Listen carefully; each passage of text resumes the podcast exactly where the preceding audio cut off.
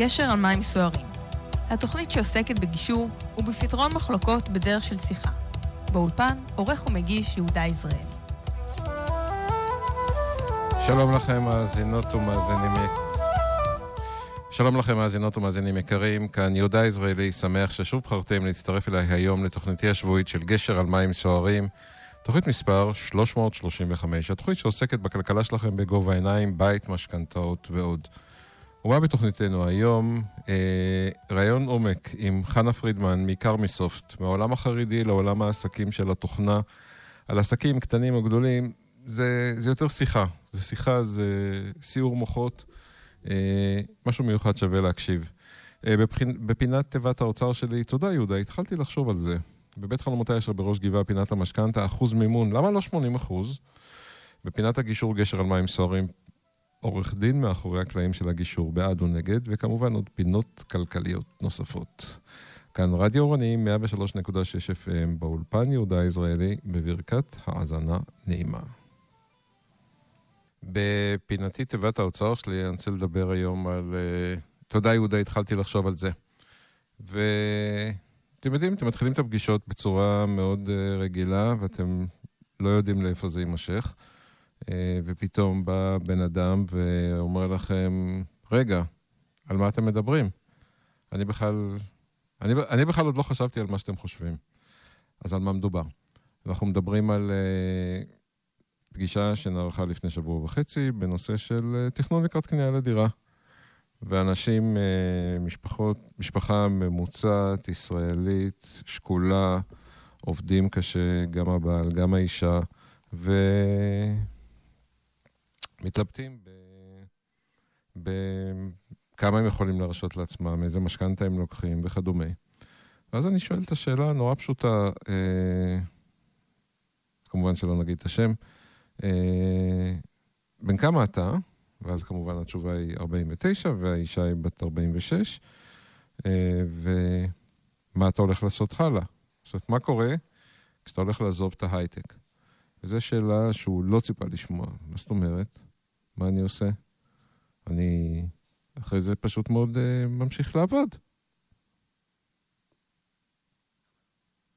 Uh, זאת אומרת, ה, ה, זה שאני עכשיו בן 49, כמעט 50, זה לא אומר כלום, אני אמשיך לעבוד. בגיל 55 אה, אולי ככה, אתה יודע, אני אתחיל להסתכל על uh, מה אני צריך לעשות ב, בסיבוב השני, מה שנקרא.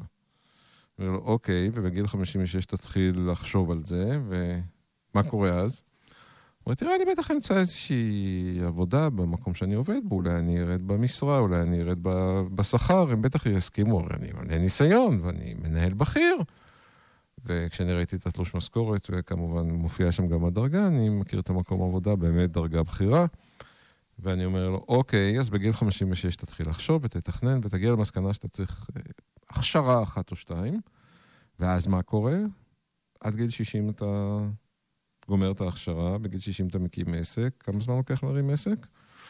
מכיוון שהבחור אמנם שכיר, אבל מבין בעסקים, אז הוא, הוא, הוא הבין שהוא לא בכיוון, אבל הוא עוד לא ירד לו האסימון.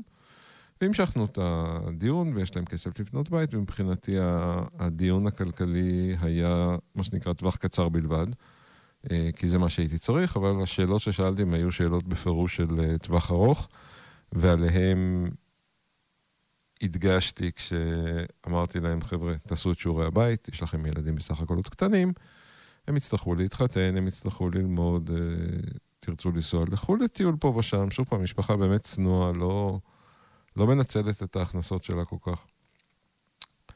ו... וזהו, אני מגיע הביתה, אני שולח להם את הקישור לתשלום, הם, אה, אנחנו עושים איזושהי תקשורת קצרה, וביום ראשון אני מקבל בבוקר את ה... אישור, שלח לי אישור מהאינטרנט, ואומר לי, אה, אתה יודע מה, יהודה? רציתי להגיד לך תודה. אתה פשוט גרמת לי לחשוב, גרמת לי להתחיל לחשוב.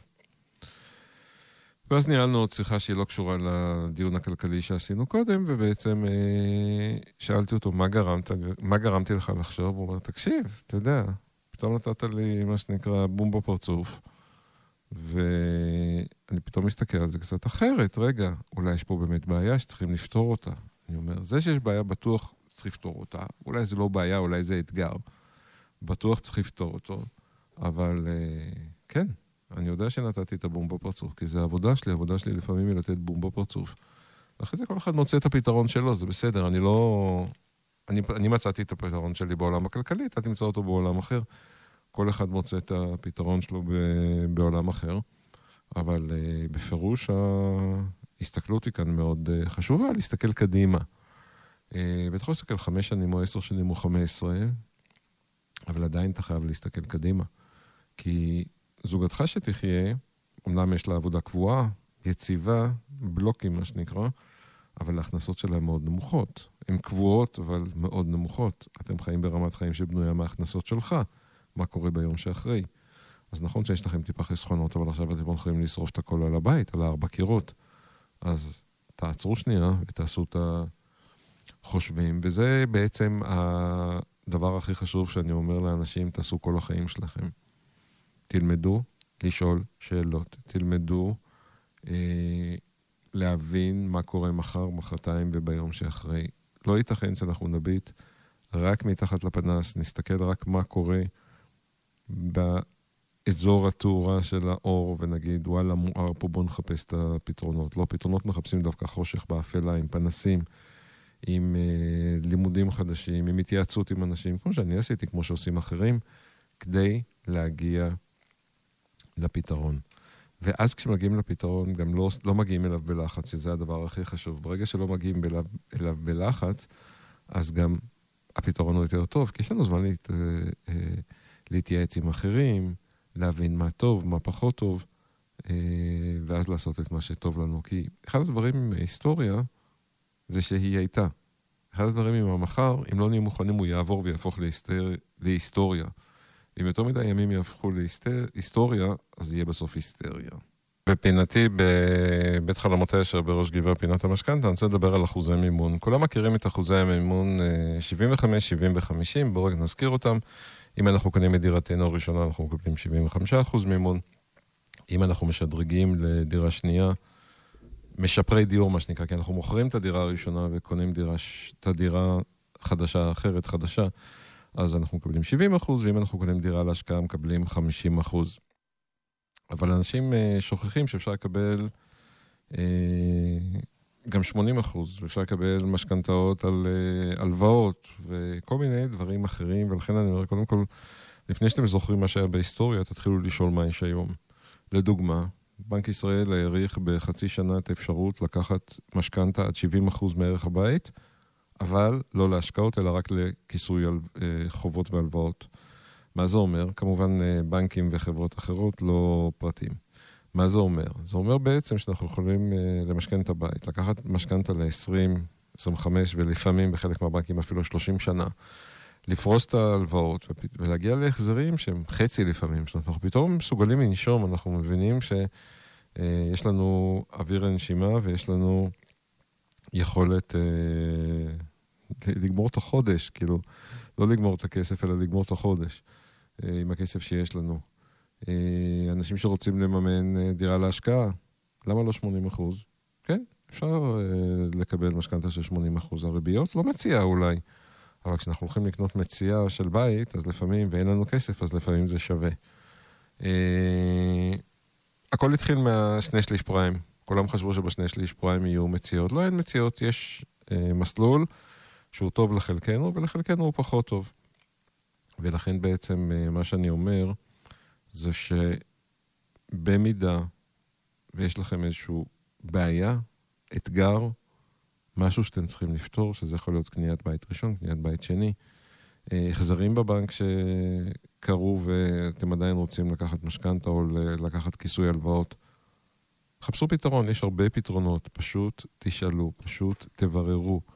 אל תניחו שמה שהיה זה מה שיהיה, כי יש פה באמת דברים, אה, מוצרים חדשים שבנק ישראל אישר, אה, ויכולים לאפשר לכם אה, חיים הרבה יותר טובים. בפינתי גשר על מים סוערים, פינת הגישור, אני רוצה לדבר על עורך דין מאחורי הקלעים של הגישור בעד או נגד. אז בואו נתחיל רגע מהסוף. מה קורה כשיש גישור זוגי ואנחנו מגיעים להסדר? אנחנו אומרים לזוג, תלכו, תתייעצו עם עורך דין, משתי סיבות. סיבה ראשונה, שישב מישהו מקצוען ויסתכל על זה ויבין ששני הצדדים בעצם קיבלו מה שנקרא טיפול הולם, טיפול מקצועי, טיפול ישר, טיפול ישר שזכויותיהם לא קופחו. זה דבר אחד. דבר שני, זה שהם לא יוכלו להגיד אחרי זה, לא הבנתי. זאת אומרת, יש הרבה דברים שבלהט הגישור אנשים אומרים כן, כן, כן, או לא, לא, לא, והם באמת לא מבינים, הם בלחץ, הם בעצבים, הם כועסים על הצד השני, הם כועסים על המגשר או המגשרים, הם כועסים על כל העולם ואשתו, כי הם בכלל כפו עליהם גירושים, הם בכלל לא תכננו את זה. וברגע שהם יושבים עם עוד מישהו, אז הוא אומר, רגע, הבנתם שא', ב', ג', הבנתם שד', ה', ו', אתם יודעים שזה לא אחוזים 50-50? הבנתם שתצטרכו לשמור על הילד אה, שלוש פעמים ביום? סתם, המצאתי. אה, ופתאום רגע, אה, כן, זה הבנו, לא, זה לא הבנו. עכשיו, אם עורך דין הוא עורך דין הגון, ויש הרבה עורכי דין כאלה שמבינים מה זה גישור, אז הם יסבירו, יבררו את הפרטים, ואם זה משהו שבאמת אה, זכויות הבן אדם או האישה נפגעו, אז הם באמת יפנו לתקן את זה. אם זה עורך דין שבא לעשות שמח, מה שנקרא, אה, אז הוא כמובן צריך להוכיח שהשכר שלו שולם טוב, אז בואו נראה מה אפשר למצוא טעויות, או דברים שיהיו לעזרתכם, כאילו. ו... ואז זה מוביל לפיצוץ. למזלנו, רוב עורכי הדין שבודקים הסדרי גישור הם באמת עורכי דין, עורכי דין שמבינים שהמטרה שלהם היא באמת לעזור שהצד שמייצגים לא יקופח, ולאו דווקא לפוצץ את זה, כי היום הרבה עורכי דין מגשרים בעצמם, והם מבינים את החשיבות של הגישור כתהליך, תהליך שמוביל לשלום, שקט ובית שיכול להמשיך. אז כן, עורך דין מאחורי הקלעים זה יכול להיות דבר מעולה, זה גם יכול להיות מראת מציאות טובה למתגשרים, כי בעצם הוא אומר להם, אה, חבר'ה, מה שאמרו לכם בפייסבוק, או החברים שלכם, זה לא משהו שקיים, אין כזה דבר. כאילו, כזה דבר לא קיים בשום מקום, אה, אולי רק בדמיון שלהם, אה, ולכן כדאי שתתחילו להפסיק לדמיין ותתייחסו למציאות בלבד. ו... ובעצם מה שקיבלתם הוא באמת משהו טוב, ותמשיכו עם זה הלאה, או חבר'ה, אתם מקופחים בסעיף א', ב' וג', ד' וה' הם בסדר, בואו נשאיר אותם, אבל את א', ב' וג' בואו ננסה לתקן, והם מביאים לתיקון.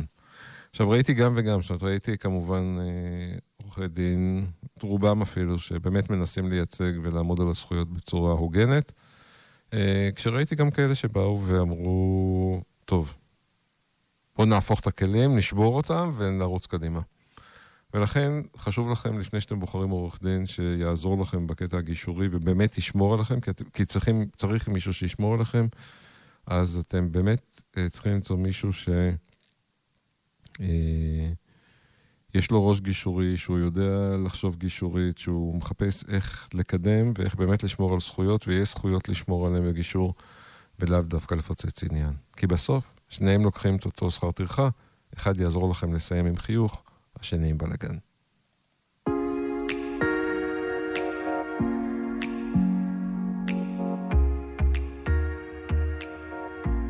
מאזינים אורנים, 103.6 FM, תחנת הרדיו של מכללת אורנים. חפשו אותנו באינטרנט, רדיו אורנים.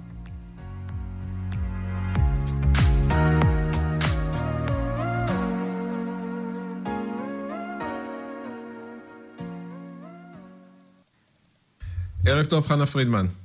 ערב טוב. חנה פרידמן היא מנכ"לית קרמיסופט. מה זה קרמיסופט, חנה? קרמיסופט זה חברה לפיתוח תוכנה שנמצאת בכרמיאל. אה, אנחנו נותנים פתרונות אה, מתקדמים לבעיות אה, שונות עבור חברות סטארט-אפ, עבור חברות הייטק, עבור תעשייה. אספר לך גם למה הקמתי את קרמיסופט? תכף שנייה, מכיוון שאנחנו ברדיו והמאזינים בעצם לא רואים, חנה היא חרדית. והמסלול של חרדים הוא בדרך כלל לא מגיע ל... בטח לא להגיע ל... הם מגיעים לת... לתכנות, הם מגיעים לבדיקת תוכנה, אבל בטח לא להקים חברה ולנהל אותה. אז רגע, אז מה הרקע שלך בכלל? איפה למדת? מה... איך התחלת את הקריירה? קודם כל, אם מותר לי קצת לסתור את מה שאתה אומר, דווקא יש כמה נשים חרדיות שהקימו חברות אה, הייטק, הן הרבה יותר חרדיות ממני, במובן שהן נולדו חרדיות, אה, מאחר ודווקא הנשים הרבה פעמים הם הגוף המפרנס יותר במשפחה, לפחות בשנים הראשונות. זה שכולם יודעים, אה, רחלי גנות, שהדליקה משואה אפילו ביום העצמאות, שיש לה חברת... תוכנה, ויש uh, רותי מרגלית, ויש עוד uh, נשים חרדיות דווקא שהקימו עסקים, הן לא כל כך uh, ציבוריות, אבל יש. ודווקא הרקע שלי הוא, אני קיבוצניקית מקיבוץ נאות מרדכי שבגליל העליון, והתחתנתי וילדתי שם את שלושת הילדים שלי, ועזבתי את הקיבוץ עם שלושה ילדים. ובעצם רק בגיל 36, אני חושבת, חזרתי בתשובה, וגם בעלי. אה, זהו, ומאז פחות או יותר בעלי נהפך לאברך כהן, והוא לא מקבל כסף, ואני עובדת. אה, אני מהנדסת מכונות, למדתי הנדסת מכונות בטכניון, ואני אז קודם כל, המטרה, המטרה שהבאתי אותך היא בדיוק בשביל לשבור את הסטיגמות. אני עבדתי בחברה החרדית, אה, ואני יודע שהנשים שם, גם גברים דרך אגב, אה, יוצאים באיזשהו שלב לעבוד בכל מיני מקצועות מגוונים. אה, ואחת הסיבות שהבאתי אותך זה בדיוק בשביל לשבור את הסטיגמה, כי אנשים לא מכירים את זה. אה, יופי. זה, זה, עכשיו, אני יודע שיש לך עוד הרבה סיפורי מקרה של הצלחות, ולכן גם יהיו פה עוד כל מיני שבירות סטיגמה, אבל בעצם אז יצאת מהקיבוץ, ואת יודעת לתכנת, ואת אולי עם ניסיון, וזה בסדר, אבל לפתוח חברה, כאילו, מה היה המטרה? טוב, לא נעים לי כל הזמן להגיד לא, אז... אה, אז ככה. קודם כל, אה, גם אם אני אגיד מה היה עד שעזבתי את הקיבוץ, אז תבין שזה בעצם ההמשך, מה שקורה עכשיו. אבל קודם כל אני לא מתכנתת, אני מהנדסת מכונות, למדתי הנדסת מכונות בטכניון. אה, עבדתי ב... בכל מיני תחומים שקשורים להנדסת מכונות, ובאיזשהו שלב אני עברתי לעבוד ב... בתחום התוכנה, בגלל שבעצם אה, הרבה מכונות הן אה, משולבות באלקטרוניקה ותוכנה. אבל אולי צריך להתחיל מההתחלה קצת, זה מותר? כן, כן, ודאי. אה, אוקיי. אז קודם כל למדתי הנדסת מכונות בטכניון, הייתי אז בקיבוץ, בסוף הלימודים אה, אה, יצאתי לחילופי סטודנטים בוולבו בשוודיה, ושם התוודעתי לעובדה שהמאזן המסחרי בין ישראל לשוודיה הוא, הוא שלילי לחובתנו, זאת אומרת, אנחנו קונים הרבה משוודיה ולא מוכרים כמעט לשוודיה, ואני הייתי שם עם עוד סטודנט אה, מהטכניון אה, ישראלי, ממצרים, מכל מיני מקומות, היה מאוד אה, מרתק. והוא כתב לשמעון פרס מכתב, למה, מה אפשר לעשות כדי לשפר את המאזן המסחרי הזה, ואני כתבתי בשיא התמימות לסטף ורטהיימר, עיר ורדים, ככה כתוב על המעטפה.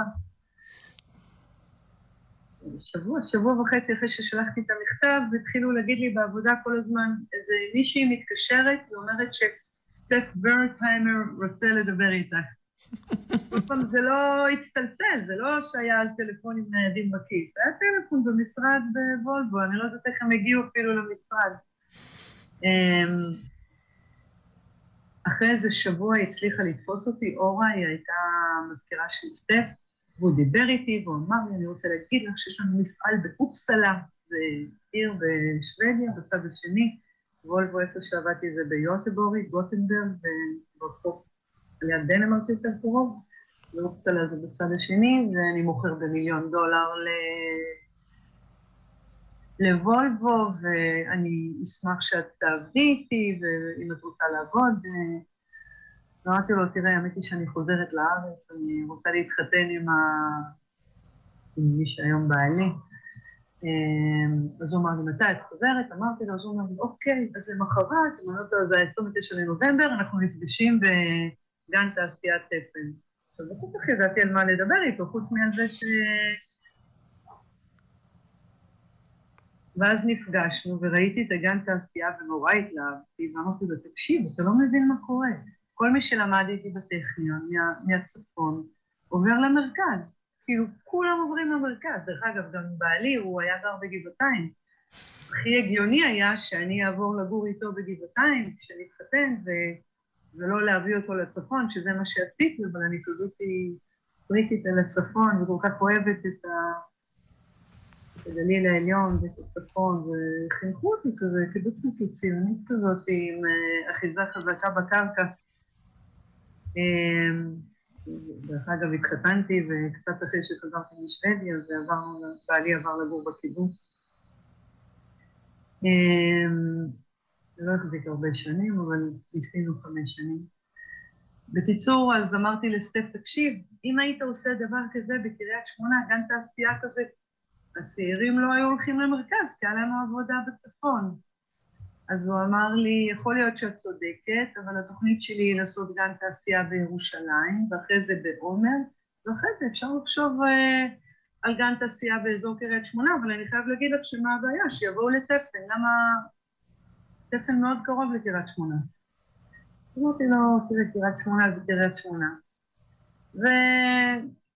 ואני אז מצאתי עבודה בקיבוץ עמיעד, ונפרדנו כמו חברים. בעמיעד פגשתי את לינדה לוין, שהיא מנהלת השיווק הייתה אז, בעמיעד סינון והשקיה, והיא מאוד התלהבה מהשיחה שלי עם סטף, ומהנצנוצות בעיניים כנראה, ואמרה לי, וואו, איזה רעיון נהדר, את לא מבינה איזה שינוי. אז לא ידעו את כל המילים, ecosystem, impact, כל המילים האלה. אבל היא אמרה לי, זה יהיה מדהים. אמרתי לה, אבל לא, אני עכשיו גמרתי את הטכניון, אני לא מכירה אף אחד. חשבתי יהיה לי קלף טוב כי פגשתי את סטף, אבל הוא אומר שזה לא עכשיו. היא אמרה לי, אז בואי, בואי, בואי נדבר, יש עוד אנשים שירצו את מה שאת רוצה. אז לא היה אז וואטסאפ ופייסבוק וכל הדברים האלה. זה היה בשנת 1989. אמ, אבל מה היה? אה, יצרנו קשר, לינדה הכירה הרבה אנשים, ויצרתי קשר עם האנשים האלה, והזמנו אותם למין אה, ערבים כאלה, שאתה יודע, כמו לפני בחירות, כן? שדיברנו על ה... בהייטק קוראים לזה רוד שואו, כאילו עוברים בין אוקיי. אנשים ומציגים להם את הפרויקט. הנה, אז אז לא ידענו, אז עכשיו זה רוד שואו, והלכנו, ופשוט דיברתי עם אנשים והלהבתי אותם איזה שינוי זה יעשה אם יהיה מקום אה, של הייטק פה בגליל. אה, כי בכל המפעלים הייתה תעשייה, אבל היא הייתה מאוד מאוד מסורתית, מאוד לואו uh, לבל. כאילו, נגיד בקיבוץ שלי טבע נאות, זה היה נעליים, וסנדלים, ופלריג, ומפעל הריגה, ובקיבוץ דפנה אותו דבר, וחוליות, זה הפלסטיקה, הכל היה מאוד לואו לבל, שבאמת, ברוך השם, חלק מהקיבוצים, חלק גדול מהקיבוצים הצליח לעשות את הקפיצה הזאת ולהפוך את המפעלים שלהם למפעלים סופר רווחיים, אבל זה לא תמיד היה ככה. אמ, בקיצור, אני לא יודעת איך עשינו את זה, אבל עשינו מלא מפגשים. ויום אחד, אחרי כמה חודשים, בעלי אומר לי, הוא ריכז, הוא כזה, אני ההיפראקטיבית והקופצנית, והוא המסודר. הוא מסתבר ניהל, ידעתי, כן, בתוכנה שנקראת מיכה שמונה, מהצבא, איפה שהוא היה, את כל המסד נתונים של מי שהגיע למפגשים, שם, תעודת זהות, מה המקצוע שלו, טלפון, פרטים כאלה. יום אחד הוא בא ואומר לי, תקשיבי, חנה, קראו לי אז חניתה, יש לי 400 שמות. 400 אנשים, ורכזי משק, מזכירים, ראש מועצה אזורית גליל עליון, הסגן שלו, הסגן של ראש עיריית קריית שמונה, של ראש פינה, כאילו... בואי תכתבי לי סטף, מה יכול להיות? כתב פעם אחת, תכתבי לו עוד פעם. אז שלחתי לו מכתב בדואר, עם, אה, הוצאתי מין, אה, בעלי הוציא לי מין תדפיס כזה מהמחשב, פעם זה היה דפים גדולים כאלה עם אה, פס ירוק, פס לבן, פס ירוק, פס לבן, עם המון חורים בצדדים. חלק, חלק מהמאזינים לא ראו את זה בחיים שלהם, כן? אני יודע על מה את מדברת. 132, 132 קרקטרס. וזה היה באמת מרשים, זה היה שליץ ארוך כזה של דפים שיצא מהמחשב. ושלחתי לסטף. זה היה ממש שלח לחמך כזה.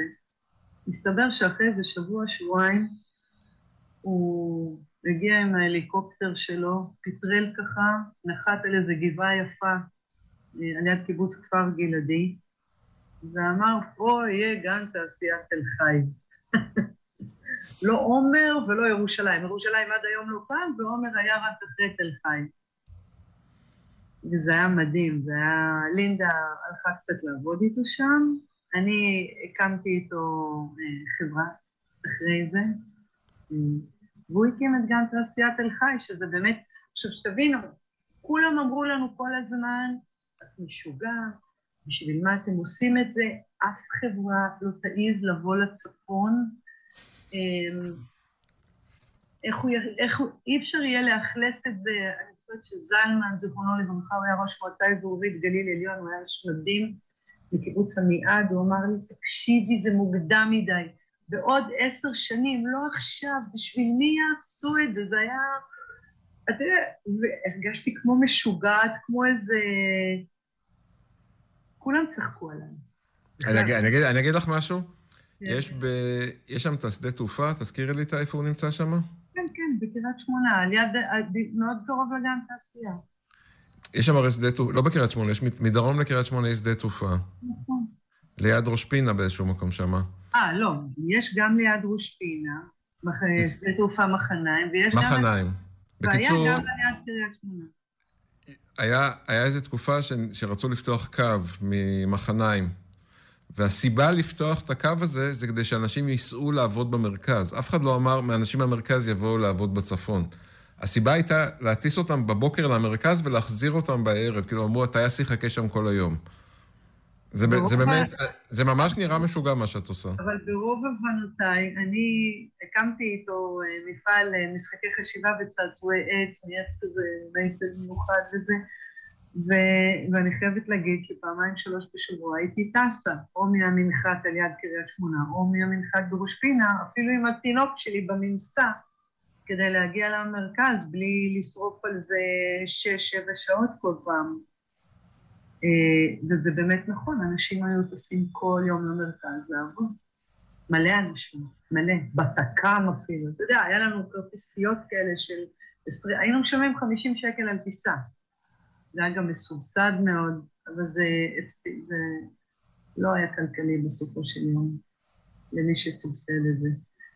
אמ, אבל כן, הגליל היה ברור שאין בו מקומות תעסוקה למהנדסים ולאנשי הייטק, זה היה ברור. אז אה, באמת לא עשיתי שום דבר בקטע של גן תעשייה תל חי, את הכל אה, סטף ועובדיו עשו. אני הייתי יזמית של הרעיון, של ה... לא שבכלל זה יקרה. מזה זה מתחיל. כן, ואני יכולה להגיד לך שלפני כמה שנים עשו, אה, עשו איזה סרט, השתתפתי משהו בערוץ 10, אני לא יודעת באיזה ערוץ, כי אני לא... כשחזרתי בתשובה לא היה את הערוצים האלה, ולקחו אותי לגן תעשיית תל חי, וזה היה פשוט מדהים, כאילו, עברו אז 25 שנים, ויש שם, שם איזה אלף עובדי הייטק. מי היה מאמין שבקריית שמונה, בתל חי, עוד יותר צפונה, יהיה הייטק שיעסיק אלף משפחות. זה היה, ואחרי זה גם קם אה, פארק תעשייה בצח"ר ובגליל, בהרבה מקומות. אז, יש, היי, אז יש הייטק בצפון, ואת מחליטה להתקדם קדימה. יש הייטק בגליל, כן. אה, אחרי זה יצא לי באמת לעבוד בחברות טכנולוגיות, אה, ביזמות, גיוס כספים, ואז הלכתי לעבוד בגלטרוניקס, שזה המפעל... לאנטנות, שדווקא המיסיון החזיק אותו. אמ, זה היה מאוד מעניין, הייתי אז חילונית כאמור, ועבדתי שם, ושם דווקא לאט לאט, או מהר מהר חזרתי בתשובה. גם בעלי בא לעבוד שם, וגם הוא חזר בתשובה. לא דרכם. הם לא אחראים לזה. כן, הם כל הזמן, המנכ"ל שם כל הזמן... הזמן, אה, כן, קרול קומן אמר לי, אני ואשתי צריכים להגיע אליך הביתה ולהסביר לך. אמרתי לו, לא, זה בסדר, כן, אנחנו מסתדרים, אנחנו... צריכה להסביר לו שאני יהודייה, ועדיף קודם שאני אלמד מה יש ליהודים להציע, לפני שאני אלמד מה יש לנוצרים להציע. אה, אבל זה היה בסדר, והיה להם הרבה זכויות בחזרה בתשובה שלי ושל בעלי.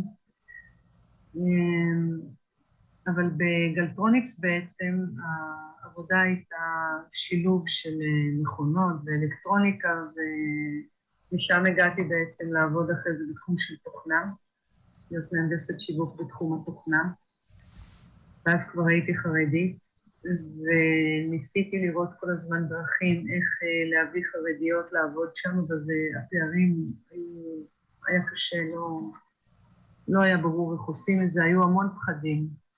איך, איך הם נוקנו פה, ואיך הם ישבו פה, והם ילדו כל חודש, כל שנה, והיו הרבה התלבטויות, וזה לא כל כך עבד. זה לא עבד כי זה לא התרומם, או, שזה, או ניסיתם? לא ממש ניסינו, רק דיברנו על זה, ואפילו קיבלתי קצת קורות חיים של מתכנתות חרדיות. הפערים כאילו היו מאוד גבוהים, זה היה מאוד מפחיד לבוסית שלי לקלוט חרדיות. חרדיות ממש. אמ, עזבתי את העבודה שם והתחלתי לחשוב עם מישהו שעבד איתי בגלטרונית ולהכין תוכנית עסקית, איך לבנות אה, חברה לפיתוח תוכנה אה, לחרדיות, שחרדיות בגליל יוכלו לעבוד.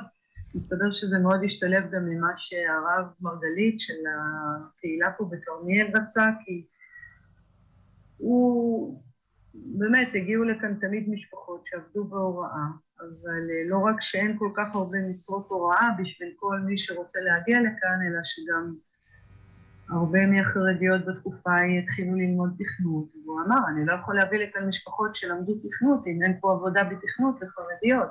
אני לא אגיד להם, לכו תשתלבו בחברה חילונית, זה לא...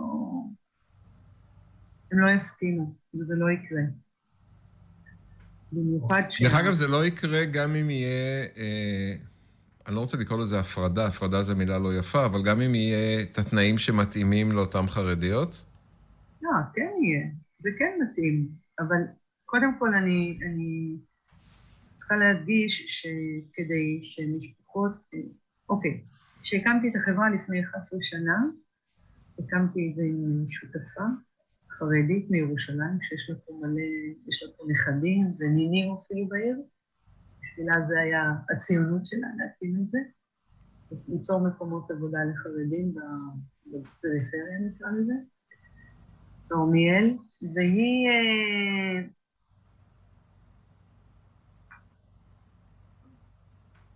מישהו, הציבה מישהו בתור שותף, שהוא בעצם הרים את כל העסק, הוא גם הביא אותה בתור המשקיעה, ו... הוא מקדם איתי את העסק הזה, ולמה רציתי לספר לך על זה?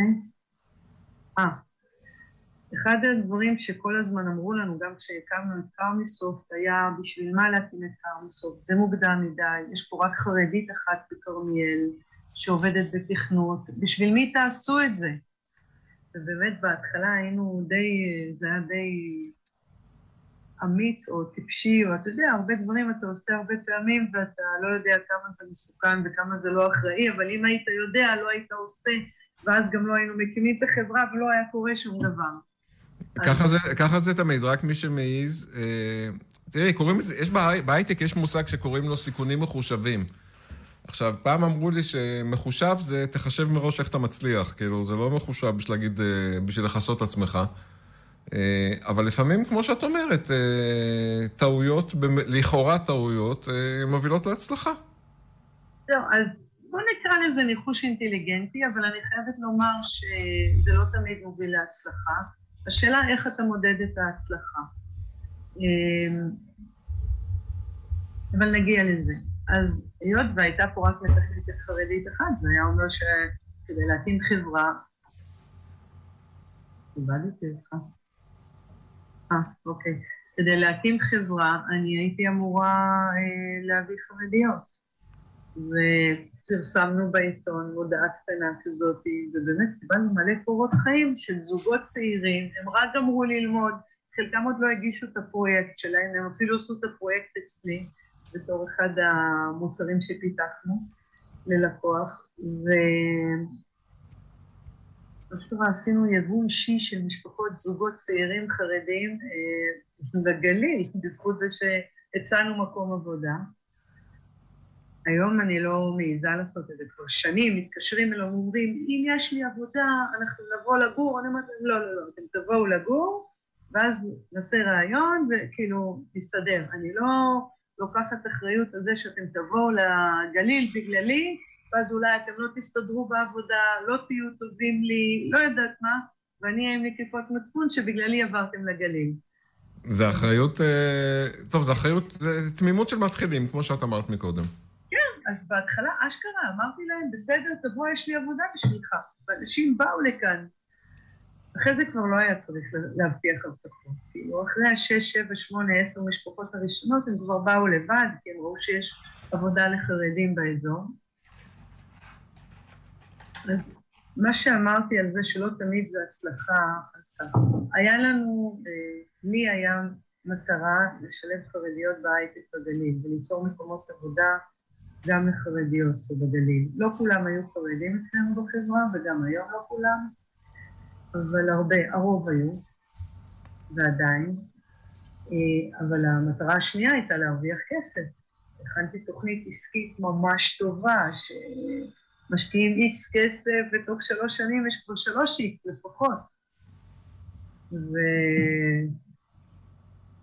תוכנית עסקית לחוד ומעשים לחוד, אז ההוצאות היו אה, באמת לפי התוכנית העסקית, אני זוכרת שכתבתי דוח באמצע התקופה, אבל ההכנסות באיזשהו שלב לא הייתה התאמה.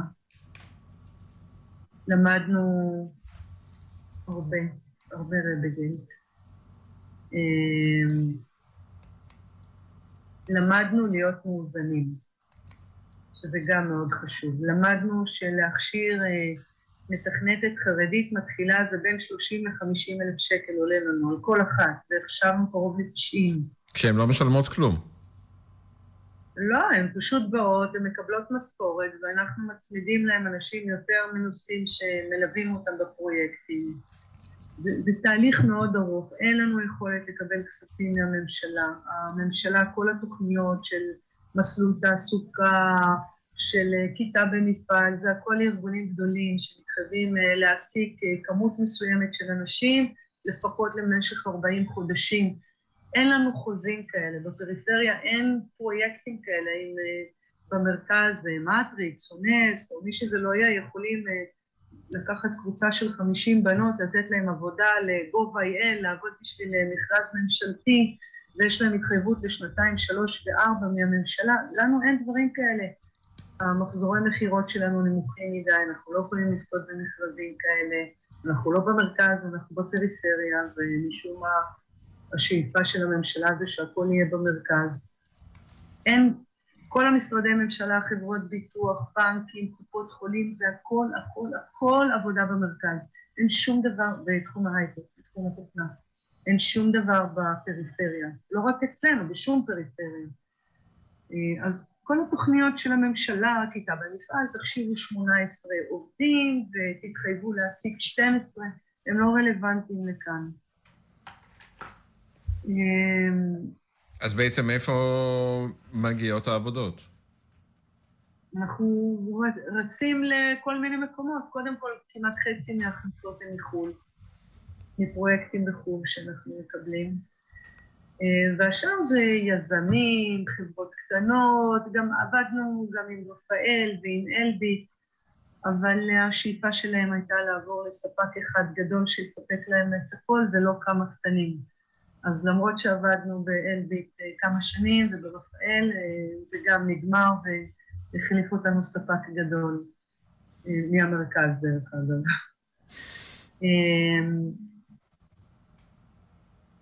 זה לא כל כך פשוט, אבל אנחנו, איך אומרים, התגברנו וזכינו שלמרות שזה לא היה איזו הצלחה מסחררת כלכלית, אנחנו כן דאגנו להיות תמיד מאוזנים. ולמרות שהמטרה היא חברתית, וגם היום אני יכולה להגיד לכם שאחרי 11 שנה יש מעל 200, אני חושבת שגם מעל 250 מתכנתות חרדיות פה באזור, בזמן שלפני 11 שנה הייתה פה אחת.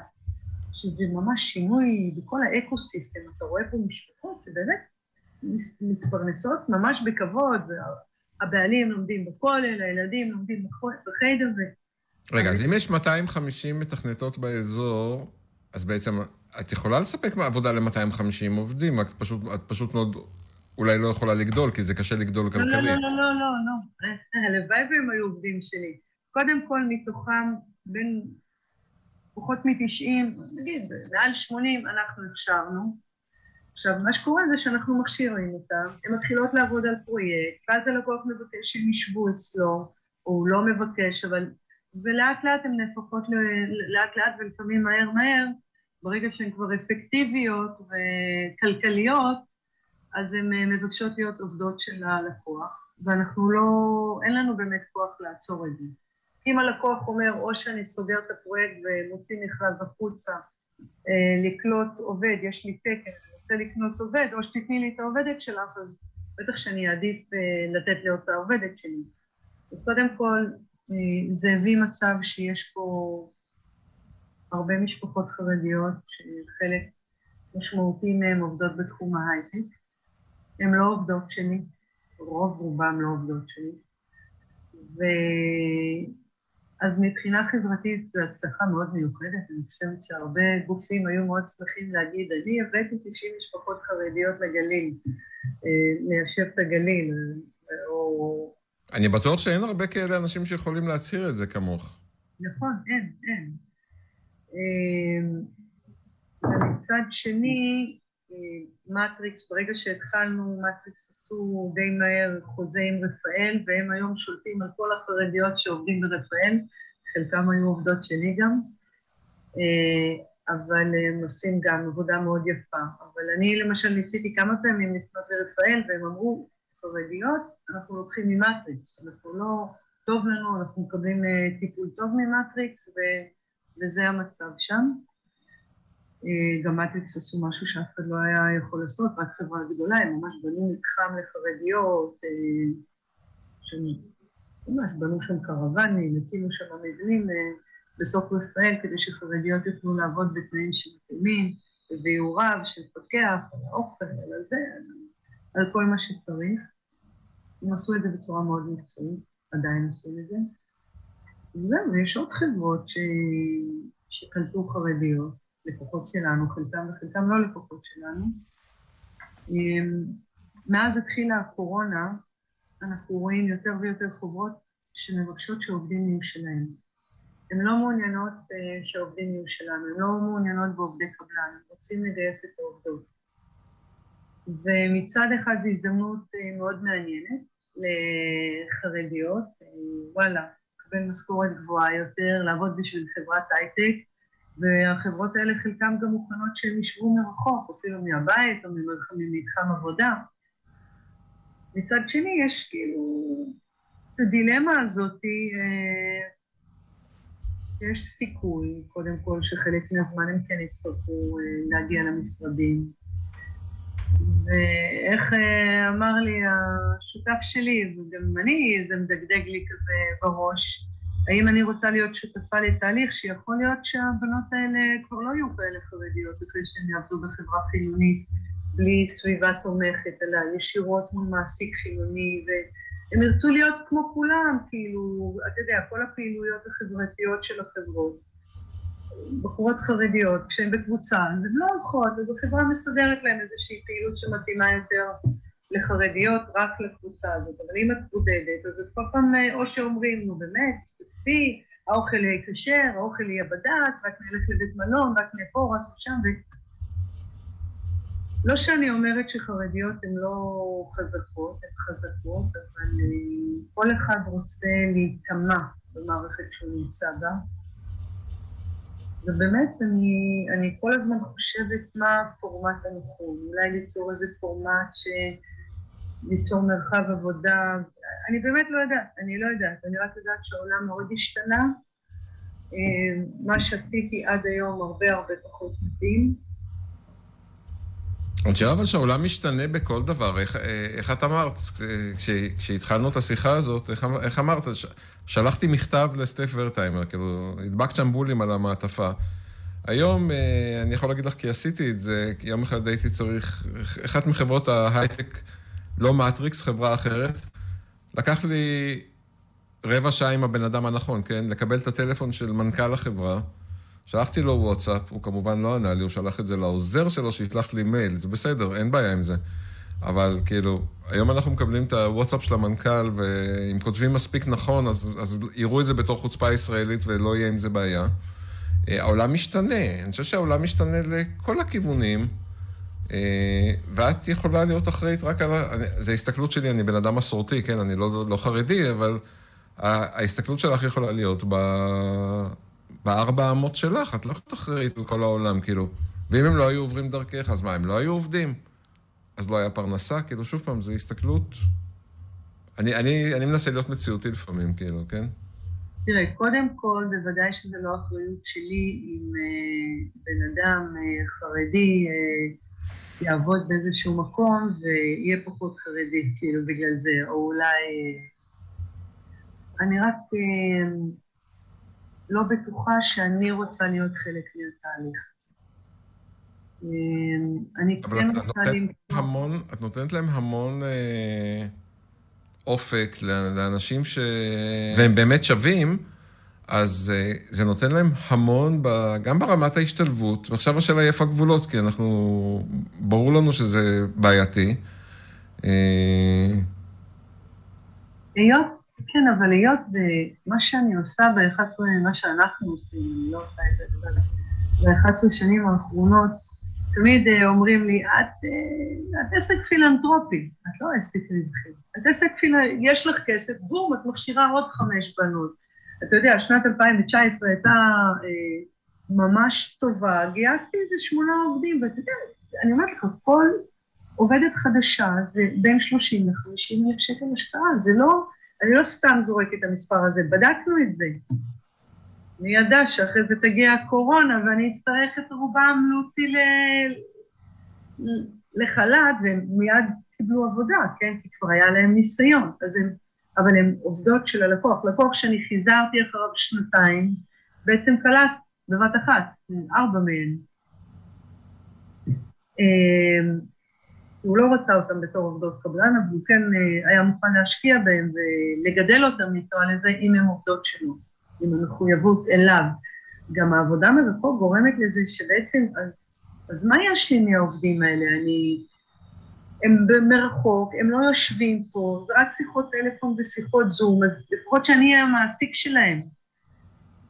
אמ, יש לי עוד כמה עובדות שהן יושבות אצלי במשרד, והן עובדות שלי, והן עובדות 100% מלא בשביל לקוח. כל יום איתו בזום, וב... שעה, שעתיים, עובדים ביחד, מפתחים עבורו. אמ, אני מאמינה שיש מודל חדש שאני מקווה ללדת אותו בקרוב, אה, שגם יתאים לערכים שלי אה, בקטע החברתי ומבחינת חזון ומבחינת לתת לאנשים לשמור על הזהות שלהם, לתת להם סביבה שמתאימה להם, שהם לא יצטרכו לשנות את האורח חיים שלהם ואת האמונות שלהם ואת הסגנון דיבור או לבוש שלהם רק בגלל שהם עובדים במקום עם סגנון אחר. אה, לא יודע, זו שאלה גדולה, אני... אין לי פתרון, אני...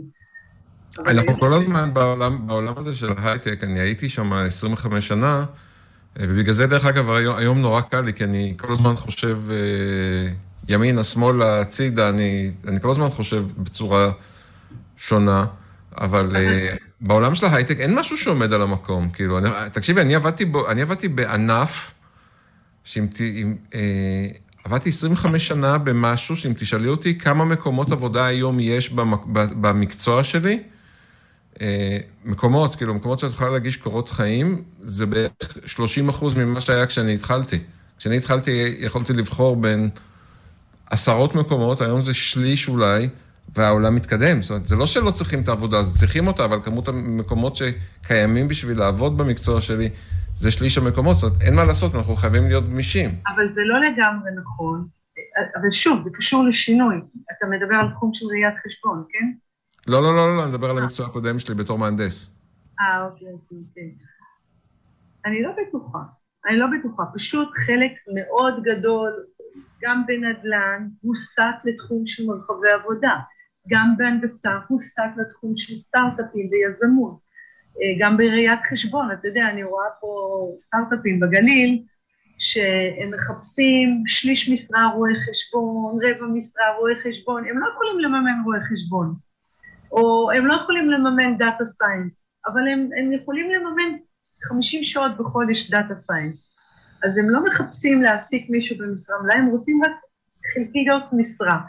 העולם נורא נורא משתנה, יש המון תחומים, וגם מה שרציתי לומר קודם לגבי התחום שלי של אה, פיתוח תוכנה ושילוב חרדים בהייטק, אה, באמת זה אינטרס של המדינה. כאילו, אני הייתי מפנטזת אם, אם הייתי מצליחה להגיע למישהו שהיה מוכן להקים לנו פה, והמדינה, שהמדינה תשקיע את זה. האב אה, כזה, מרחב עבודה לחרדים, פה, בתל אביב, בבני ברק, לא משנה איפשהו. ואני אוכל לנהל את זה, ואני אוכל להביא לשם ראשי צוותים על חשבון המדינה, כדי ליצור בתוך המקום הזה קפסולות כאלה בשביל לקוחות, אלה עובדים בשביל זה, ואלה עובדים בשביל זה, ואלה עובדים בשביל זה, כי ולעבוד בצורה כזאת, אפשר להביא ככה עבודה לאלפי חרדיות, שהיום לא עובדות. היום הן יושבות בבית, אולי יש להן איזה גן קטן בבית, אולי הן היותר מבוקשות, אולי אפילו מלמדות אה, תכנות בסמינרים או בבתי ספר, אבל המדינה צריכה מתכנתים, ויש פה את המתכנתים האלה, רק הם צריכים ליווי, כי הם מתחילים, והם צריכים, כאילו, רק, אתה יודע, זה אוטופיה, מי יסכים לעשות דבר כזה? מי יסכים לקחת על עצמו את המימון הזה? והמדינה, שתבין, משקיעה מיליונים בכל מיני אנשים שאחראים לתעסוקת חרדים. אתה רואה מלא רואי חשבון, ופקידים, ו... וצריך לתת להם עבודה, ויש עבודה, אבל הם לא יכולים לעשות את העבודה הזאת לבד. אם אני היום אקח קורות חיים של מתכנתות, הנה הבת שלי עכשיו לומדת תכנות, היא מסיימת עכשיו בסוף השנה, היא לומדת הנדסי תוכנה. אי אפשר לקחת את הקורות חיים שלה ולשלוח את זה לחברת הייטק, כי היא לא יכולה לעבוד שם, היא צריכה את הגישור הזה של ה... שמישהו יאמץ אותה כאילו ויכניס אותה לעבודה, והמישהו הזה... אז הנה האתגר הבא שלך. כן, אבל uh, לך uh, תשיג שה... אני חושבת שזה אינטרס של המדינה לעשות את זה. אני עשיתי את זה, עושה את זה עד היום, אבל אני קטנה מדי, צריך לעשות את זה, לא להגיד, וואלה, יש 250 מתכנתות חרדיות בגליל, להגיד, וואלה, יש 2,250 מתכנתות חרדיות בכל הפריפריה. שישלח אותם לפריפריות, את העובדות האלה. ותיתן את האפשרות לחברות בפריפריה לעשות פרויקטים לממשלה. הממשלה פשוט לא עושה פרויקטים בפריפריה, נקודה. רפאל זה הדבר הכי ממשלתי שאני יכולה לחשוב עליו, שנותן פה עבודה, אבל לך תיתן להם קורות חיים של מתכנתת מתחילה, אי אפשר. מטריקס הצליחו להכניס אותם, כי הם עשו להם קורס, ועשו הסכמים מאוד משמעותיים מול, מול רפאל. אבל אי אפשר היום לקחת מתכנתת חרדית מתחילה וגם, ולהכניס אותה להייטק as is, אלא אם כן בהייטק הזה יהיה את התנאים שיקלטו אותה. עשו את זה קצת עם סנדיסק, מה שנקרא היום Western דיגיטל, הכשירו באמת על חשבון כל מיני ארגונים, כנראה זה ממשלה, לקחו קבוצה של כמה מאות בנות מצטיינות, עשו להם קורסים בהתאם למה ש SanDisk רצו, ואז SanDisk קלטו, קלטו בשנה הראשונה 14 בנות מכל המאות שלמדו את הקורס הזה. אה, עשו להם, קוראים לזה bootcamp. Mm-hmm. שנה אחרי זה עוד פעם עשו את אותו תרגיל וקלטו 20 בנות. וזה מאוד מצליח, אבל זה דורש השקעה. אי אפשר לחשוב שאפשר לעשות את זה, שזה יקרה מעצמו. אמ, וזה דורש השקעה, והמדינה חייבת להשקיע את ההשקעה הזאת לדעתי, אם היא רוצה שהבנות האלה והבנים האלה ישתלבו בהייטק. גם דרך אגב הבן שלי למד במכון לב, הנדסת תוכנה, וגם כשהוא נכנס לעבודה, הוא עובד בחברה של סינמדיה, ממש נתנו לו מישהו שמלווה אותו כל השנה הראשונה, שמכניס אותו לעבודה, שבודק לו את הקוד, שמדריך אותו. בחברות הגדולות עושים את זה. אבל בחורה חרדית, אם אתה תיתן לבחור חילוני שיעשה לה את זה, זה צריך להיות... זה לא יעבוד, זה פשוט לא יעבוד. היא צריכה להיות באיזושהי קבוצה קטנה, ושייתנו להם את הסביבה המוגנת הזאת. לאט לאט הם משתלבים ונשארים הם. ובוטקאמפ, ו-WeWork כזה, שבעצם יהיה בו קפסולות של כל חברה, זה דבר אפשרי בעצם, את אומרת? זה נראה לי האופציה הכי מתאימה גם לשלב חרדים וגם להשאיר אותם חרדים. לא לנסות כל הזמן, זה נראה כמו איום, כל פעם שאומרים להם, בואו תלמדו באוניברסיטת, בטכניון, יש מסלול של בן אחר שלמד שם מכינה וקדם מכינה, הוא למד בישיבות, אז לא היה לו את כל הבסיס, הוא, הוא לומד בטכניון, עכשיו הוא שנה רביעית, הוא מסיים, אבל זה רק המכינה כביכול חרדית, כל השאר זה מעורב עם הכל. אז במגזר החרדי הרבה מאוד, בעצם כולם, יש להם חשש שכל המכללות החרדיות והאוניברסיטאות שפותחות שעריהם לחרדים וחרדיות, הם בעצם, זה השלב לפני בואו תהיו כמונו. וצריך כן לאפשר לאנשים לחיות כמו שהם רוצים, בסביבה שהם רוצים, וכל החברות האלה שמדברות על שילובים ועל מגדרים ועל כל הסיפורים האלה, הם צריכים באמת באמת לעשות משהו כדי שזה יקרה, אני לא יודעת, אני, אני לא יודעת למה זה לא קורה הרבה יותר. למה... חברה בפריפריה יש לה בכלל הזדמנויות שוות? בכלל. אני אומרת לך שכל העבודות של משרדי ממשלה, של בנקים, של חברות ביטוח, של קופות חולים, הם רק במרכז.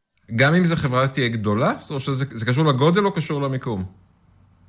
גם לגודל, אבל גם למיקום. אין אף אה, מרכז פיתוח של ישראכרט, של איזה חברת אה, כרטיסי אשראי בצפון. זה הכל מרוכז במרכז. אפילו שאם אתה תלך לקריית ספר, למודיעין עילית, אתה תראה שם בניין של מטריקס, אתה נכנס לקומה, אתה רואה ישראכרט, אתה רואה כאל, whatever.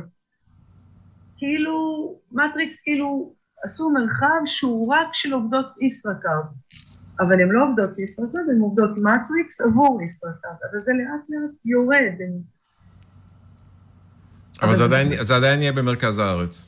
כן, מודיעין נחשב לפריפריה חברתית, אבל זה עדיין מרכז הארץ.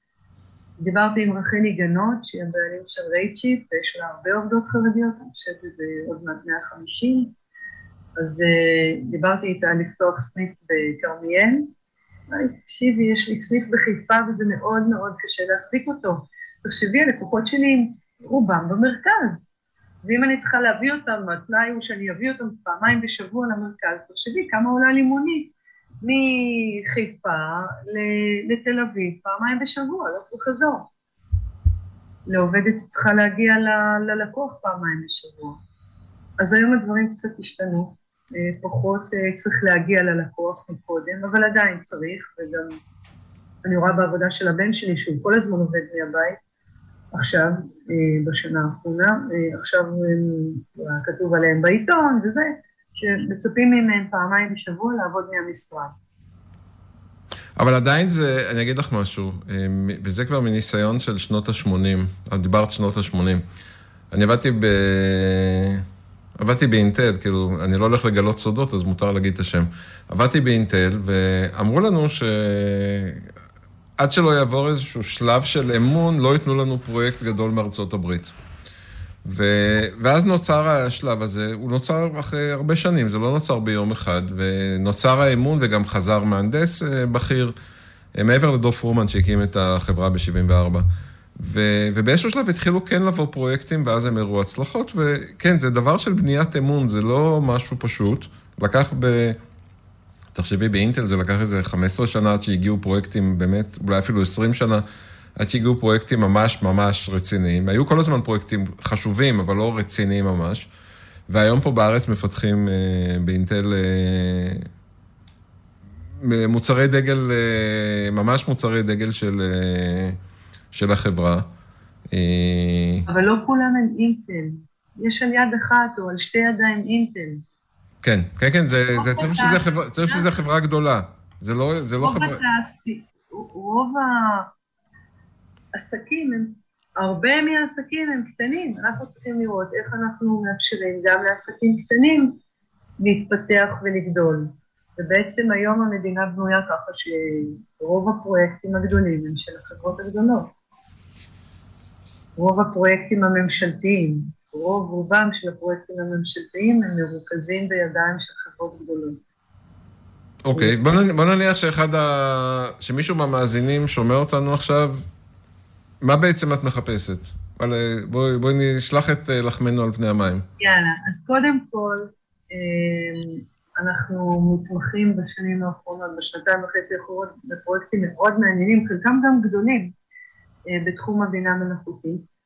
יש לנו דוקטור אה, שהוא גם חוקר מאוד מנוסה בתחום, גם בתחום הפינטק, ואנחנו הרבה עובדים בתחום של Image Recognition ו-Machine Learning, ובתחום של NLP, של אה, הבנה של אה, שיחות, ולהוציא ממהם כל מיני אלרטים שצריך.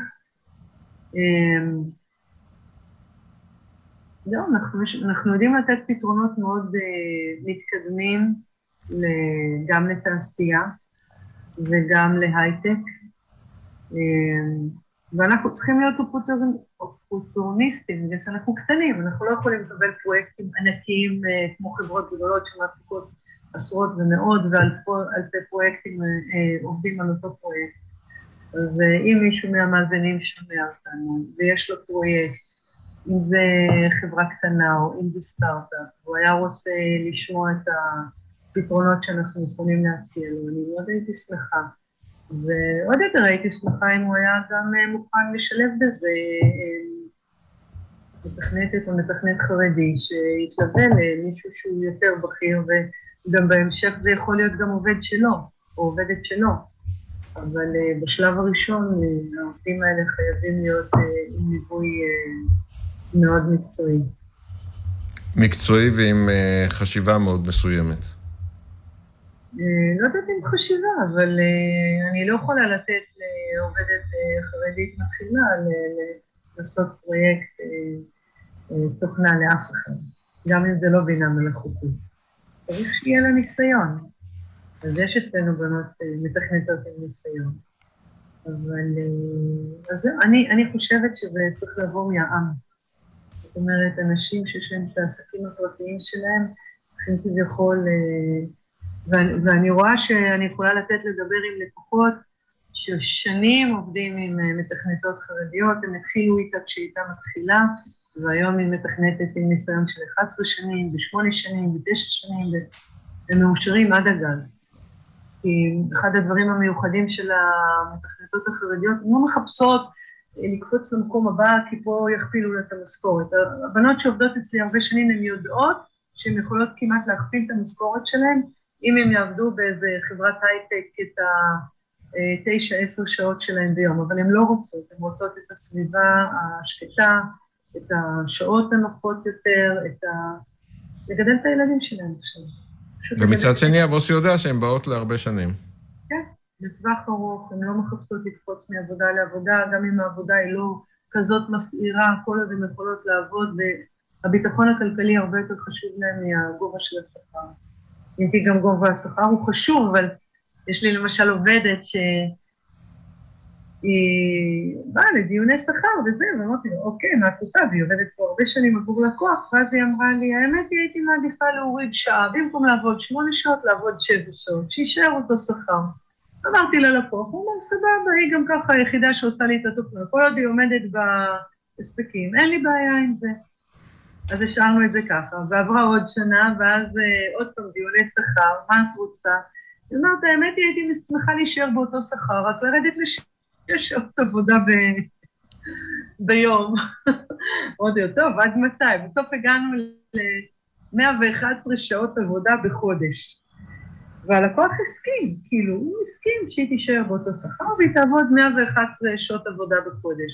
עכשיו תחשוב שרוב האנשים אחרי 11 שנה כבר עובדים 200 שעות בחודש. אבל לה יותר היה חשוב ה-well-being שלה ולשלב את העבודה עם המשפחה, עדיין התעריף שעה הוא מאוד גבוה, כן? אבל היא נותנת לו את כל מה שהוא צריך. היא מספיקה את כל מה שהוא צריך. תקשיבי, אני עבדתי, אני עבדתי, אני עבדתי בהייטק הרי 25 שנה, וכל מישהי שילדה נכנסה למה שנקרא משרת אם, שהיא יוצאת יותר מוקדם. זה שמונה שעות. כן, זה יוצאים בסביבות... הן מהר מאוד מגיעות לזה אצלנו. בסביב, בסביבות שלוש הן יוצאות אה, בערך, משהו כזה. ו, ואין להם גם ערב, כאילו, בדרך כלל אנשים היו נשארים עד שש, שבע, שמונה ותשע בערב. ובאחת השיחות בארוחות ערב, אה, בארוחות אה, צהריים שיצאנו החוצה, כי במרכ... אני עבדתי גם במרכז, בנתניה, ושם יוצאים לאכול בחוץ. היה לי שיחה עם איזה מנהל, והוא אומר לי, תקשיב, אני בחיים לא ראיתי הבדל בתוצרים של אימא שיוצאת בשלוש. הוא אומר, היא פשוט עובדת עד שלוש, היא לא מעבירה את הזמן כי היא יודעת שיש לה זמן עד שמונה. בחיים, אומר, לא ראיתי הבדלים, הן נותנות תוצרת בדיוק כמו כל עובד אחר. נכון. כי הן עושות גם להוכיח את עצמם יותר. זה סוד שגילינו אותו אה, הרבה, כל השנים האלה בעצם ראינו את זה. אה, כי תראה, זה באמת אה, תהליך מאוד קשה. אה, גם לגדל משפחה וגם לעבוד במשרה מלאה, והילד הזה חולה, והילד הזה חולה, ופתאום קורונה, ואתה יודע, יש לי בנות שהעדיפו להישאר בחל"ת. הם אמרו לי, תקשיבי, אני לא יכולה, ילדים בבית, איך אני אצא? איך אני אחזור לעבודה? אני לא יכולה לתכנת מהבית. כל הבית שלי, לא כולם, יש כאלה שלא הצליחו. בנות אחרות פשוט בסגר והכול המשיכו להגיע לעבודה. כי הן לא יכולות לעבוד מהבית עם הילדים, אבל, אז הן פשוט הלכו לעבודה, לא, לא עשו לנו שום uh, עניינים, לא הייתי, באמת, זו עבודה חיונית, הן צריכות uh, לתת את ה... יש לה כוח שהן היו תוקעות אותו מאוד אם הן לא היו עובדות, אבל הן לא הצליחו לעבוד מהבית. לנשים חרדיות זה הרבה הרבה יותר קשה בתכנות, כשאתה, זה דורש ריכוז לטווח ארוך, זה הרבה יותר קשה לעבוד מהבית. במיוחד אם הבית הוא קטן. בית קטן, רציתי להגיד, זה בית קטן שאי אפשר לעשות לו פינת עבודה שקטה כמו... כן, וזה מאוד מצער, כי אתה יודע, אני חושבת על זה שבעזרת השם עכשיו אולי קצת דברים יירגעו קצת עם כל החיסונים וכל המתחסנים וכל השיטות בדיקה המהירות, אבל uh, יש uh, אוכלוסייה מאוד גדולה, שהיא בעצם שנה שלמה כבר לא עובדת, די מאבדת את המקצוע שלה, את המיומנות שלה. אין לי מושג מה יהיה איתם, כאילו, יהיו חייבים למצוא דרך להחזיר אותם לעבודה, ואני לא יודעת איך. אני לא, לא יכולה לקחת על עצמי את הדברים, אבל אני כן הייתי רוצה למצוא איזשהו פתרון שיתאים ל... לפוסט קורונה או לתקופת קורונה, או בכלל מודל חדש. אה, של שיתוף פעולה, אבל הפעם הייתי כן רוצה שהממשלה תכניס את היד לכיס ותעשה משהו כדי שהמודל הזה יעבוד. ואנשים, אם יש אנשים ששומעים את השידור הזה, אז באמת, צרו איתנו קשר, תנו לנו לתת הצעות מחיר, תנו לנו לתת לכם עבודה טובה. אה, אנחנו עושים פרויקטים מדהימים, במיליונים, כאילו, חלקם זה פרויקטים של מיליונים, אנחנו עובדים מול חו"ל. הלקוחות הגדולים שלנו הם באמת בחו"ל. בארץ יותר קשה לנו אה, לתת את העבודות האלה, אני לא יודעת למה. חו"ל מסתכלים עלינו בתור הייטק בישראל, ובישראל מסתכלים עלינו בתור אה, מתכנתות חרדיות, שאולי זה לא עובד. אבל יש לנו עבודות יפות להציג, מאוד יפות, בתחום הבינה מלאכותית, ולא רק, לא רק בתחום ה-CRM, ERP. אמ, יפה, יפה מאוד, יפה מאוד. הלוואי ומישהו מהמאזינים באמת יוכל אה, לעזור, אני מאוד מקווה. כן. אה, עוד משהו לסיום, חנה. תראה, חשבתי שאני אספר לך המון סיפורים, אבל איכשהו כשמתחילים לדבר על ביזנס, ואז מה מותר להגיד, ומה אסור להגיד, וכל הדברים האלה, אז אה, אני חושב שהצגת את הנושא בצורה מאוד... כן, זה לא, מאוד שמקדמת אותו. רציתי להגיד ש... הפחד הזה הוא משני הצדדים. אני זוכרת שהייתה לי מתכנתת שעבדה על איזשהו פרויקט של זיהוי פנים ועיבוד תמונה, והייתה צריכה להיכנס לקוד. היא אמרה לי, תקשיבי, זה גדול עליי, אני לא מעיזה להיכנס לכל האלגוריתמים פה, ואני צריכה מומחה. וחיפשתי, ונתתי לדבר עם מישהו מהטכניות, ואף אחד לא באמת יכול היה לתת לו את העזרה. היא אמרה לי, אני רוצה שתעבירי את העבודה למישהו שהוא מומחה יותר בתחום. ואני בשיא הנאיביות, אני לא מתכנתת, כמו שאמרתי לך, אמרתי לה, מה פתאום, את יכולה, והיא ממש כזה בכתה, היא אמרה לי, אני לא מצליחה. אמרתי לה, היא אמרה לי, זה ייקח לי לפחות שבועיים. אז אמרתי לה, אז ייקח עוד שבועיים, תעשי. קחי שבועיים, אבל אז את תכנסי אם אני לא אצליח. אמרתי לה, אני לא אכעס. והיא עבדה, ותוך יום וחצי היא פתרה את הבעיה. חוסר האמון, כאילו, ביכולת, הפחד להיכשל הוא מאוד חזק אצל חלק מהמתכנתות החרדיות. אצל כל בן אדם שהוא צעיר בעבודה והוא מפחד שהוא... כן, אבל לא צריך להאמין להן, הן מאוד uh, עמוקות ומאוד חריפות ומאוד מוכשרות, ואני רואה דברים, הנה, כמו הבחורה הזאת, שהיא בחורה, הם קוראים עליה לא מעט ילדים, שכל פעם ביקשה להוריד את כמות השעות, והיא עדיין מתחזקת את כל התוכנה של הלקוח, זו תוכנה עם עשרות אלפי משתמשים, שהיא המתכנתת היחידה שם, כאילו, בעיקרון. והיא עומדת בזה בגבורה רבה. אמ, הרבה, הרבה דברים, הרבה ניסים ראינו, הרבה פרויקטים שלא הבנו איך הם הגיעו אלינו, איך הם נפלו עלינו, אבל הם הגיעו ועמדנו בהם בהצלחה. זהו, היה נחמד להכיר. יופי. חנה פרידמן, מנכ"לית קרמיסות, תודה רבה על השיחה. אני חושב ש...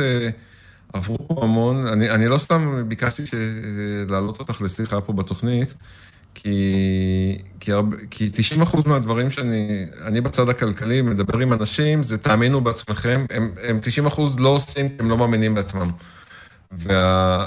ואני חושב שהיו פה כמה דברים בדרך, שחלקם את יכולה, את יכולה לקרוא לזה תמימות, אני לא קורא לזה תמימות, כי מי שלא מעז לא מצליח, אה, ושגרמו לך להצליח. אה, תקשיבי, לקחת את סטף ורטהיימר והזזת אותו ממקום למקום שהוא בחור שיודע מה הוא רוצה, כן? אה, אז כפי נראה הבאת לו עובדות לפנים, מה שנקרא, שהוא לא יכול היה להתעלם מהם, כי הוא בחור רציני. זה, זה לא... זה לא, לא באמת הבאתי לו עובדות, הבאתי לו חלום של 400 אנשים. כן, אבל הוא... 400 איש, 400 איש זה לא סתם חלום, 400 איש זה אנשים שהוא, איך אומרים, הוא ראה זה אמיתי, זה לא בתיאוריה. כן, נכון. אה, וגם המתכנתות שאת התחלת, והיום אולי עובדות אצל מישהו אחר, זה, זה לא בתיאוריה, הן מתכנתות שהכשרת. כן. כן, אבל אה, אם הייתי מנסה לחשוב, תמיד אימא שלי הייתה אומרת לי, מי שלא עושה, לא נכשל, ומי שעושה גם נכשל, וגם יש לו את הפוטנציאל להצליח. נכון. אה, וגם אה, מי שלא עושה, אז אה, לא מדברים עליו, ומי שעושה, מדברים עליו, והרבה פעמים אתה חוטף, מה, איך עשית דבר כזה, ואיך הוא חשב שזה יקרה, ולמה לא זה, כאילו, אבל זה בסדר, זה חלק מהתהליך, ואתה נופל, ואתה קם, ואתה נופל, ואתה קם, ואתה נופל, ואתה קם, וזה בסדר. רק תרשה לעצמך ליפול. זה כיף, זה מאתגר, ואם אתה עושה משהו שהוא גם מהאש שלך, מהחזון שלך, ש... אתה יודע, אני מסתכלת על גן תעשייה תל אומרת, שאלה, הייתי ילדה כשעשיתי את זה, מי היה מאמין שיהיה דבר כזה? כשהתחלתי את קרמסוף והייתה פה מתכנתת אחת, מי היה מאמין שיהיה 250 מתכנתות פה באזור? זה מטורף, 250 מתכנתות, זה יותר מאלף אנשים חדשים בגליל, אולי אלפיים אפילו. תחשבו, כל זוג, כל מתכנתת, יש לה בעל, יש לו שלושה, ארבעה, חמישה, שישה, שבעה ילדים. זה מטורף, מי היה מאמין שזה יקרה? ובטח שלא יכולתי לצפות את זה או לחזות את זה, רק ידעתי שהגיע הזמן שיהיה מקומות עבודה לחרדים, והעזתי לקפוץ למים, וכמעט טבעתי, וקמתי, ונפלתי, וקמתי, והתעזנו. תקשיבי, את מדברת על הגליל, אני יכול להגיד לך, אה, אני לוקח פה עכשיו סיכון שאנשים אה, יחפשו אותי מחר בבוקר. אה, אני הרי יועץ משכנתאות, ובנו בקריות, בקריות, כן? עשרות בניינים חדשים.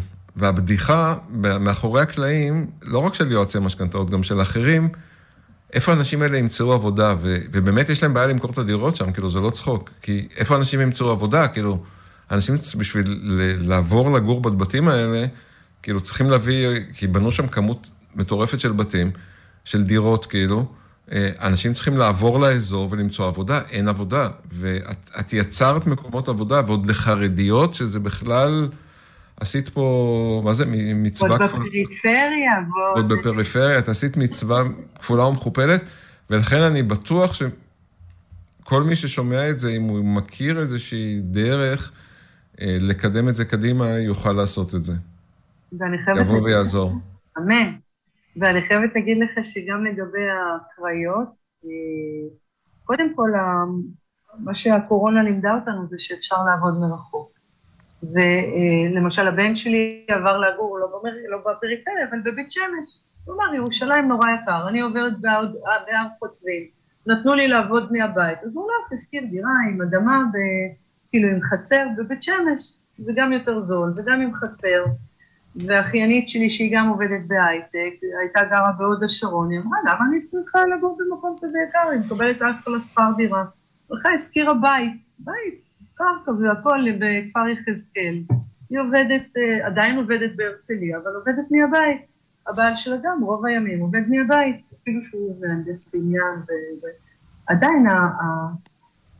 פתאום אתה קולט שאתה יכול לגור במקום יפה וירוק ופורח בשביל חברת הייטק במרכז, מהפריפריה. אז, הנה, אז הנה, הנה, הנה הדבר שהקורונה עזרה לך. לגמרי, לגמרי. תראה, אני ידעתי את זה כי אנחנו, רוב הלקוחות שלנו מחו"ל, אז אני ידעתי שאפשר לעבוד מרחוק. אבל uh, לאט לאט גם הישראלים רואים, הנה, האחיינית שלי שלחה לי ערימה של uh, משרות שהחברה שלה בהרצליה מחפשת רק לעבודה מרחוק.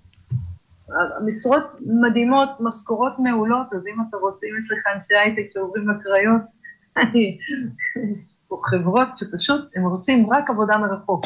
הם מתחייבים שעד סוף שנת 2021 זה רק מרחוק, אחרי זה יהיה יום או יומיים בשבוע שצריך להגיע להרצליה לעבודה. תקשיב, זה שינוי, זה אימפקט מדהים, זה שינוי של אקו סיסטם. חד משמעית. כן. אוקיי. תודה רבה לך, חנה. בבקשה. ונקווה שמישהו מהמאזינים יוכל לעזור. אמן, אמן, להתראות. שבוע טוב לכולם. שבוע טוב. זה מסוג הרעיונות שהם לא... הם לא נגמרים בפתרון ואין בהם הצהרות. יש בהם אה, דוגמה אישית, המון יצירתיות, המון אה, פתרון בעיות אד הוק והמון מתן לקהילה. אה, וכשסיימנו את ההכנות לרעיון הזה, אז אמרנו, רגע, על מה אנחנו מדברים? אנחנו רק מעלים פה שאלות. לפעמים להעלות את השאלות הנכונות זה לא פחות חשוב מאשר להביא פתרונות, ועשיתי ומצאתי וזה. לפעמים החשוב הוא דווקא לעורר שיח, לעורר בעיה, ולראות אם אפשר למצוא לה פתרון. כן, אה, לפעמים אנשי האמון שלנו הם אלה שמרמים אותנו, ולכן, אה, מה שנקרא, כדאי שנפסיק להאמין להם. כשאנחנו הולכים לשופרסל, אז אה, לא כל מה שאומרים הוא נכון. לדוגמה, האם בשר טחון הזול הוא עם שומן או בלי שומן? לא, אבל הוא צריך להיות 14% שומן. אז למה הם אומרים שהוא 30% שומן? אה, הרשת לא מרוויחה על זה כמו שהיא מרוויחה על אה, בשר ב-50 שקלים, כי מה לעשות, זה עולה יותר בזול, זה עולה 30 שקלים. ולכן הקצבים מעודדים קנייה של בשר יקר יותר. תדעו לכם שיש בזה שומן. עכשיו, בוויינט עשו בדיקה באיזה חמישה או שישה או שבעה סניפים, זה לא משנה בכמה סניפים הם מצאו, הם היו בכל הסניפים, 100% מהסניפים של השופרסל, אמרו, הבשר הזול הוא בשר שמן, מה שדרך אגב לא נכון. הבשר היקר הוא בשר הזה, כדאי לכם, הוא יותר טוב. אה, תלמדו איפה לא לקנות, תלמדו למי לא להאמין, תלמדו שלאינטרסים שלכם רק אתם שומרים. אנשים לא קולטים עד כמה באמת השמירה על האינטרסים זה דבר פרטי שלנו. אם אנחנו נעשה את זה, אז יהיה לנו אינטרסים שמורים, ואם לא, אז כן, אה, יאכילו אותנו קש. קש לא טעים, קש שרוף, וירוקנו לנו את הארנק. אז זה הכל אחריות שלנו, ממשיך להיות אחריות שלנו, כמו בכל נושא. הרבה דיברו כבר, אני אדבר עוד פעם, לפי דעתי כבר דיברתי על זה, אבל אני אדבר על זה עוד פעם, כי זה ממש חשוב על uh, קבוצות הוואטסאפ, קבוצות הרכישה בוואטסאפ, שהתחילו בתחילת הקורונה בגלל uh, רצון לעזור לחקלאים, והמשיכו בגלל הסחורה הטריה, שבחלקה אפילו במחיר סביר. אני אומר בחלקה כי יש קבוצות שאני לא מבין את המחירים שלהם. אני לא מבין את אלה שקונים שם, ואני לא מבין את אלה שמוכרים שם, כאילו זה יותר יקר מאשר uh, במעדניה, בצפון uh, הבונבון, מה שנקרא, אני לא רוצה להתחיל עכשיו לשים מדבקות של שכונות יקרות, uh, ממש מחירים לא הגיוניים. ויש uh, סחורה שהיא במחירי שוק. לא ביקשתי מחיר סופר שמסבסד כל מיני מוצרים, ביקשתי מחיר הוגן, uh, ואני חושב שאני כבר, אנחנו, לא רק אני, כן, אנחנו כבר חודש נהנים מתותים אדומים שנקטפו באותו יום באיכות שאין בסופר, אין כאלה דברים בסופר, ובמחירים של סופר פחות, אוקיי? לא, לא חצי חינם, לא ב-90% הנחה, לא ביקשנו, אנשים צריכים להרוויח כסף, אבל כן במחיר הוגן, אה, והסחורה היא באיכות טובה מאוד. אני מדבר כרגע רק על המוצרים ה... אה, תקראו לזה, שלא עשו להם, הלא מעובדים, קוראים לזה מוצרים לא מעובדים. אני לא מדבר על היצרנים הקטנים שפתאום נכנסו לנישה הזאת ומוכרים לחמים וסלטים ופשטידות וכדומה. זה כבר נושא אחר שבאמת יכול לעודד אה, את העסקים הקטנים ולהביא כספים למשפחות שאין להם, שזה גם מאוד אה, חשוב. אני מדבר על מוצרים שהם מוצרים של... לקחו תפוז מהעץ, הביאו תפוז, כאילו... אין פה added value חוץ מאשר אה, באמת מחיר הוגן וסחורה טובה מצד אחד, וחקלאי שצריך להרוויח כסף. אז יש, רוב הקבוצות, דרך אגב, הן אה, אה, ללא עלות, זאת אומרת, מי שמריץ את הקבוצות לא מקבל שכר, חוץ מזה שתיים, שלוש קבוצות. מה יש בקבוצות האלה? מה שאתם רק רוצים. אני יכול להגיד לכם שאנחנו קונים מאחד היבואנים הכי גדולים בקריות, גבינות מחו"ל, קשרות, מתוקתקות, וזה מגיע באריזות מדהימות, כי הוא רגיל לתת למסעדות ובתי מלון, אז הוא, הוא יודע מה זה איכות. אה, וכמובן אה, פיצוחים וזיתים אה, וכל מיני דברים מייבוא ותוצרת הארץ במחירים ממש ממש סבירים. ובזיליקום, בזיליקום לפסטו, במקום לקנות חמישה וחצי עלים בקופסת פלסטיק, שזה גם יקר, זה גם זורקים קופסאות פלסטיק, פלסטיק, פתאום אני יכול לקנות קילו בזיליקום. קילו בזיליקום. אתם מבינים מה זה לקנות בזיליקום בקילו? אני קונה ארבעה קילו, מכין, מקפיא, זה, אם זה על בסיס שמן, אז זה מאוד אה, נוח. מקפיא ורץ קדימה, ואת הבזיליקום כתפו אתמול. זה לא שכתפו אותו לפני שבועיים, אה, לא יודע מה, ריססו אותו, שמו אותו במקרר, בעוד מקרר, בעוד מקרר, בעוד מקרר, בעוד מקרר, עם שלוש משאיות בדרך. אתמול כתפו אותו, היום אני מקבל אותו. טרי מהשדה, כאילו זה, כשאני מקבל את ה... משלוח בזיליקום, נכנסים אצלנו למטבח, פתאום מקבלים בוף כזה, ענן אה, של ריח טרי כזה, חבל על הזמן. אה, אנחנו מקווים שזה ימשיך. אנחנו מקווים שזה ימשיך אה, בשביל ה... זה לא תמיד נוח, אני חייב לציין, כי זה אומר להיות בבית בשעות לפעמים, לא שעות בשביל לקבל את הסחורה. שלוש וחצי. שלוש וחצי אני מסתובב בעבודה עם לקוחות, לפעמים בתל אביב, גם אחרים. אה, אז מבקשים משכנים, כאילו, יש אה, המון המון עזרה הדדית, אה, וכן, זה מביא גם פרנסה, ולכן שווה בהחלט להתייחס לזה בשיא הרצינות ובשיא האמפתיה ולתת עזרה לעסקים האלה. כן, השאלה הסטנדרטית, מעדיפים נוחות, מעדיפים נוחות או פראיירים? רבע ממשיכות המזומנים בכספומטים פרטיים. סקירה של מרכז המחקר בכנסת, מספר הכספומטים הבנקאיים שנשלטים על ידי חמשת הבנקים הגדולים עלה ב-36%, בעוד מספר הכספומטים הפרטיים זינק ב-230%. למה עמלות גבוהות בפרטיים? במיקום האטרקטיבי, העלויות הנוספות, ובעיקר כי הציבור מוכן לשלם. שימו לב, אני אומר את המשפט הזה כל הזמן.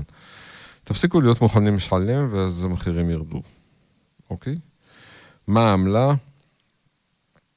עמלה בסביבות ה-5.90, 6.90, משהו כזה. זה לא ייכנס למספרים של כמה כסף אנשים מוציאים, זה ממש לא רלוונטי. אה, מה שחשוב זה העמלה. העמלה מתחילה ב-5.90, 6.90, 7.90, כאילו, עמלות מטורפות. עכשיו, אני, לא- היום באמת, הרבה דברים אפשר לעשות בכלל בלי מזומן, אז אני לא מבין למה אנשים ממשיכים למשוך מזומן.